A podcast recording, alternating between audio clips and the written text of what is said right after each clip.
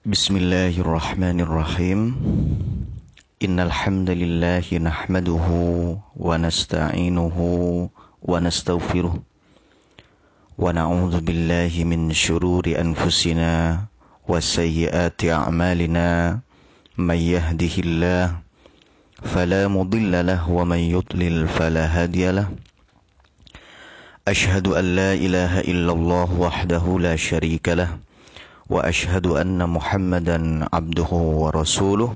اللهم صل وسلم على نبينا محمد وعلى آله وأصحابه ومن تبعهم بإحسان إلى يوم القيامة. قال الله تعالى يا أيها الذين آمنوا اتقوا الله حق تقاته ولا تموتن إلا وأنتم مسلمون. وقال صلى الله عليه وسلم فإن أصدق الحديث كتاب الله وأحسن الهدى هدى محمد صلى الله عليه وآله وسلم وشر الأمور محدثاتها فإن كل محدثة بدعة وكل بدعة ضلالة وكل ضلالة في النار. أما بعد Segala puji bagi Allah. Kita berjumpa lagi di dalam kajian tafsir singkat. Yaitu bersama saya Abu Ubaidillah An-Nashimi. Naam telah lewat bagi kita tafsir ayat kelima dari surah Al-Fatihah. Yaitu Ihdinas siratal mustaqim yang artinya tunjukilah kami ya Allah kepada jalan yang lurus. Pada ayat tersebut, Naam Allah Subhanahu wa taala mendatangkan kalimat yang mujmal yaitu kalimat yang umum berkenaan dengan jalan, jalan yang lurus. Nah, masih belum disebutkan di sana apa jalan yang lurus itu. Maka kemudian pada ayat yang keenam Allah Subhanahu wa taala memberikan rincian hingga ayat ketujuh tentang jalan-jalan tersebut. Sehingga dengan demikian seseorang membeda, bisa membedakan mana jalan yang harus ditempuh dan mana yang harus ditinggalkan. Ayat tersebut adalah lanjutannya yaitu ayat ke-6 Siratal ladzina an'amta alaihim yaitu jalan Siratal ladzina yaitu jalan orang-orang an'amta yang telah engkau berikan nikmat alaihim atas mereka. Nah, siratal ladzina yaitu jalan orang-orang an'amta yang telah engkau berikan nikmat alaihim atas mereka. Disebutkan tadi bahwa pada ihdinas siratal mustaqim Allah menyebutkan secara mujmal kemudian pada ayat setelah setelahnya yaitu ayat ke-6 menyebutkan secara rinci. Kenapa? Kata Syekh Al-Utsaimin Allah Subhanahu wa taala menyebutkan yang mujmal dulu kemudian menyebutkan secara rinci fihi faidatun fa inna nafsa idza jaa al mujmal tataraqqabu wa tashawwafu litafsil wal bayan di dalamnya terdapat faedah. Karena sesungguhnya jiwa manusia itu nah, ketika disebutkan suatu perkara secara mujmal awalnya maka itu akan menarik perhatian yang membuat orang itu mendekat ingin mengetahui secara rinci apa sih dan yang mana sih jalan tersebut. Nah, di sinilah kemudian Allah mendatangkan jawabannya. Nah, dan ini merupakan uslub yang agung dari Al-Quran. Apa itu uslub? Yaitu ungkapan kata-kata yang sudah tersusun demikian rapi dan indahnya serta tertata yang dikenali kunci-kuncinya itu oleh orang-orang yang berilmu. Nah, sehingga Al-Quran ini mengajarkan kepada seseorang bagaimana cara berbicara, bagaimana cara memberikan nasihat yang baik. Nah, itulah bahasa daripada Al-Quran. Nah, pada ayat ini Allah Subhanahu wa taala menjelaskan bahwa setelah seseorang itu meminta jalan yang lurus itu, nah, maka hendaknya dia juga memperjelas jalan yang mana yang dia inginkan. Maka di sini Allah Subhanahu wa taala mengajarkan.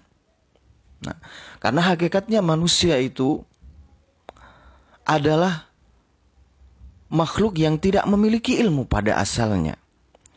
Sehingga segala hal utamanya di dalam perkara agama dia membutuhkan pengajaran. Kendati pun dia adalah seorang yang cerdas. Sebagaimana Nabiullah Adam alaihi salatu wassalam. Ketika beliau melakukan perbuatan dosa dengan melanggar, memakan buah yang dilarang oleh Allah Subhanahu wa taala. Beliau tidak lantas menyusun sebuah doa. Akan tetapi Allah Subhanahu wa taala terlebih dahulu mengajarkan kepada beliau bagaimana cara berdoa. Bagaimana firman-Nya? Fatalaqqa Adamu min rabbih kalimatin fataba alaihi maka kemudian fatalaqqa Adam datanglah kepada Adam, diterimalah oleh Adam. Min rabbihi kalimatin dari Robnya beberapa kalimat. Fataba alaih maka kemudian Allah subhanahu wa ta'ala menerima taubat daripada Adam. Nah, padahal Sebelumnya Allah Subhanahu wa taala menjelaskan bahwa Adam itu adalah orang yang cerdas. Nah, وعلم آدم الأسماء كلها ثم عرضهم على الملائكة فقال أنبئوني بأسماء هؤلاء إن كنتم صادقين Adam diajarkan oleh Allah nama segala sesuatu. Yang ketika itu di hadapan para malaikat. yakni Adam dan malaikat. Kemudian, enam, yang pertama yang ditanya tentang apa yang diajarkan oleh Allah Subhanahu wa taala dari nama-nama sesuatu itu adalah malaikat. Tapi malaikat mengatakan qalu subhanaka la ilma lana illa ma 'allamtana. Para malaikat itu berkata, "Ya Allah, sungguh tidak ada ilmu bagi kami kecuali apa yang Engkau ajarkan kepada kami." Innaka antal alimul hakim. Sesungguhnya engkau adalah zat yang maha mengetahui lagi maha bijaksana. Hmm. Qala ya Adamu ambihum bi asma'ihim. Kemudian Allah mengatakan, Adam sekarang giliran kamu. Sebutkan nama-nama yang telah kuajarkan itu di hadapan para malaikat. Maka kemudian Adam menyebutkan satu persatu. Artinya apa? Adam adalah orang yang cerdas, memiliki IQ yang sangat tinggi. Ingatan kuat. Akan tetapi walaupun demikian, Naam, Adam tidak mampu merangkai sebuah kata yang patut untuk dijadikan doa kepada Allah Subhanahu wa taala. Nah, demikian pula kita. Yang tentunya kecerdasannya jauh melampaui eh, jauh di bawah Adam alaihi salatu wassalam. Sehingga kita butuh pengajaran itu dari Allah Subhanahu wa taala. Makanya Allah menurunkan kepada kita Al-Qur'an berisi doa-doa, berisi adab, berisi bagaimana cara beribadah kepadanya dan seterusnya. Yang di antaranya adalah di dalam surah Al-Fatihah ini. Hmm. Ini adalah uslub penting yang perlu kita fahami di dalam cara berdoa. Nah, itu dari dilihat dari susunannya. Nah, kemudian kita uh, lanjutkan siratal ladzina an'amta alaihim. Ya Allah, yaitu jalan orang-orang yang telah Engkau berikan nikmat kepada mereka. Di sini Allah Subhanahu wa taala memakai lafal ala alaihim siratal ladzina an'amta alaihim. Jalan orang-orang yang telah engkau berikan nikmat atas mereka. Memakai lafal ala, bukan lafal ila.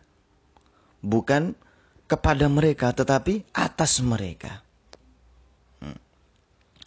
Menunjukkan bahwasannya orang-orang yang menapaki jalan ini adalah orang-orang yang memiliki kedudukan yang tinggi. Nah, kata Imam Ibnul Qayyim rahimahullah di dalam kitab madarijus salikin fa inna tariqal haqqi ta'khudhu uluwan sa'idatan bi sahibiha ilal aliyil kabir sesungguhnya jalan kebenaran itu nah diambil dari jalan yang tinggi yang naik yang membawa orang-orang yang berjalan di atasnya itu menuju kepada tempat yang tinggi, yang besar. Makanya surga itu dikatakan al-a'la. Tempat yang tinggi. Dikarenakan orang-orang tersebut adalah orang-orang yang agung, yang memiliki kedudukan, akan menjadi tetangga daripada Allah Subhanahu wa taala. Sehingga dikatakan oleh Allah Subhanahu wa taala, "Hadza siratun alayya mustaqim." Ini adalah jalan alayya yang menuju kepada ya. Menuju atasku. Siratul mustaqim, jalan yang lurus.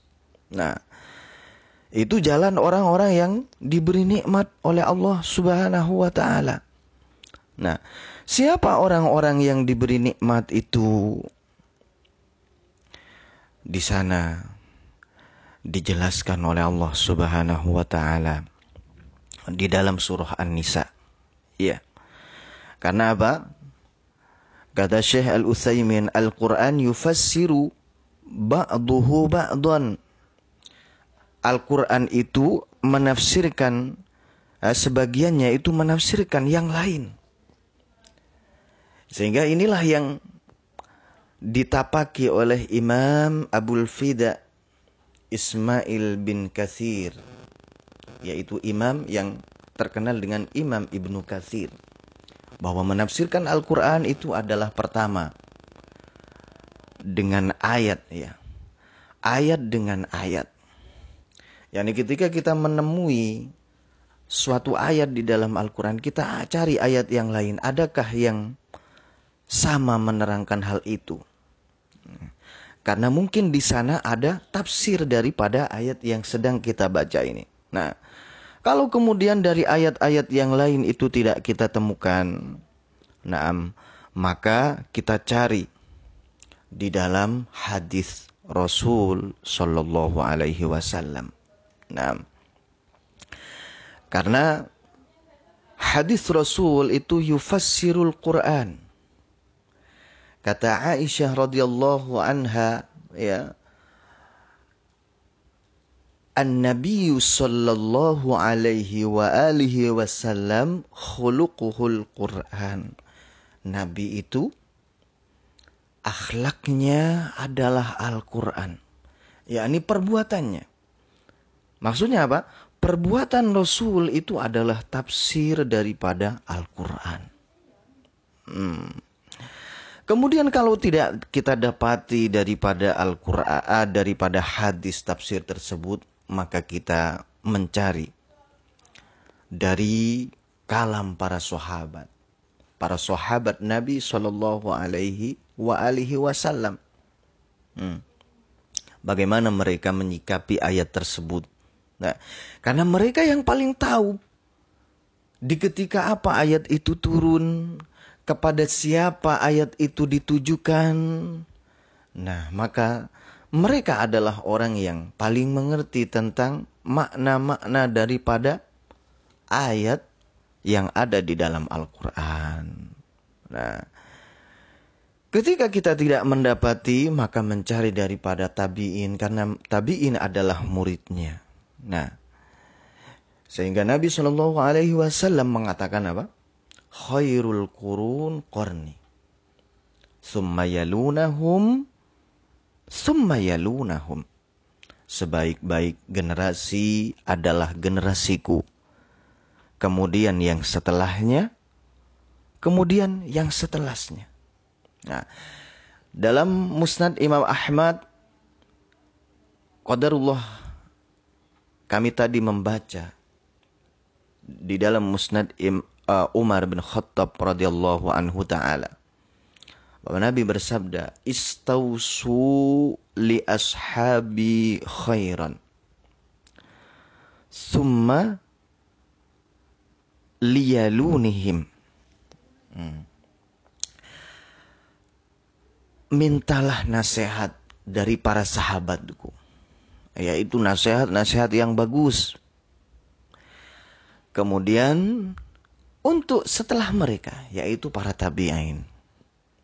Nah, itu jalan di dalam menafsirkan Al-Quran, ya.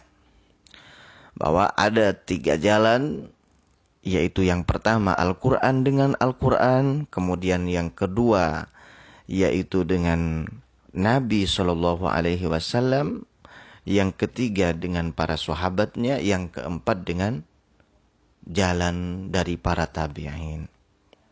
Hmm. Kemudian uh, kita ambil jalan yang pertama yaitu Al-Qur'an dengan Al-Qur'an. Berkenaan dengan siapakah mereka orang-orang yang diberi nikmat oleh Allah Subhanahu wa taala itu. Uh, terdapat di dalam surah An-Nisa ayat 69. Allah berfirman, "Wa yuti'illaha war rasula فأولئك مع الذين أنعم الله عليهم من النبيين والصديقين والشهداء والصالحين وحسن أولئك رفيقا Dan barang siapa yang taat kepada Allah dan Rasul, maka mereka akan bersama dengan orang-orang yang telah diberi nikmat oleh Allah atas mereka. Nah, ini adalah kesamaannya. Ini adalah syahidnya. Kita tadi berdoa siratal ladzina an'amta alaihim ya. Yaitu jalan orang-orang yang telah engkau berikan nikmat kepada mereka. Nah, pada ayat ini ma'al ladzina an'amallahu alaihim. Nah, Siapa yang taat kepada Allah dan Rasul, maka mereka akan bersama dengan orang-orang yang telah Allah berikan nikmat atas mereka. Kemudian minan nabiyyin.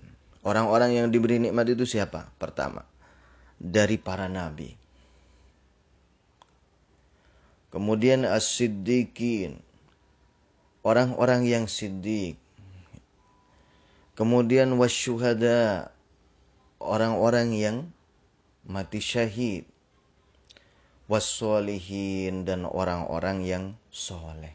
Wahasuna ulaika rafiqa.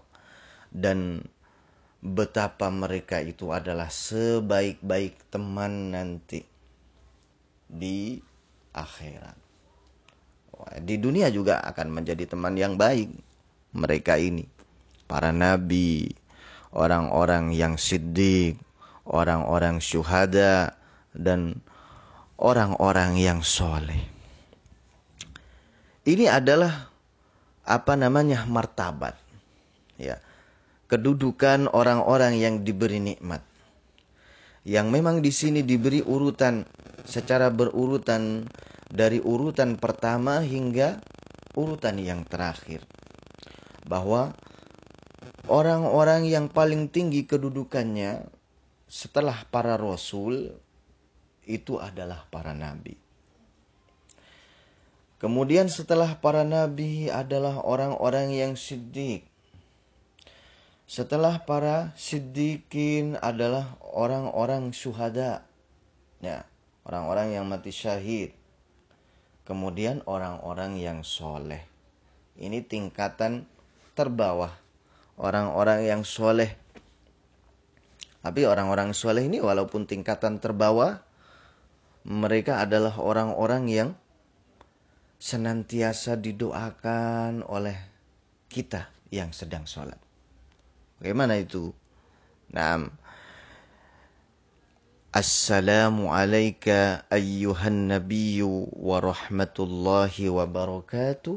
Assalamu alayna wa ala ibadillahi salihin. Ya, segala kesejahteraan semoga atasmu wahai Nabi. Rahmat Allah dan juga berkahnya dan semoga keselamatan dan kesejahteraan atas kami dan hamba-hamba Allah yang soleh. Masya Allah, seluruh umat Islam yang ada di dunia mendoakan orang soleh yang masih hidup. Orang-orang yang dahulu dari zaman Nabi hingga sebelum kita generasi-generasi sebelum kita semuanya berdoa dengan ini. Nah, kalau kita adalah orang yang soleh, maka mendapat doa ini. Masya Allah. Nah, itulah uh, kedudukan orang yang soleh walaupun mereka adalah orang yang memiliki kedudukan yang paling rendah, tetapi tetap agung kedudukannya. Hmm. Itu urutan daripada orang-orang yang telah diberi nikmat.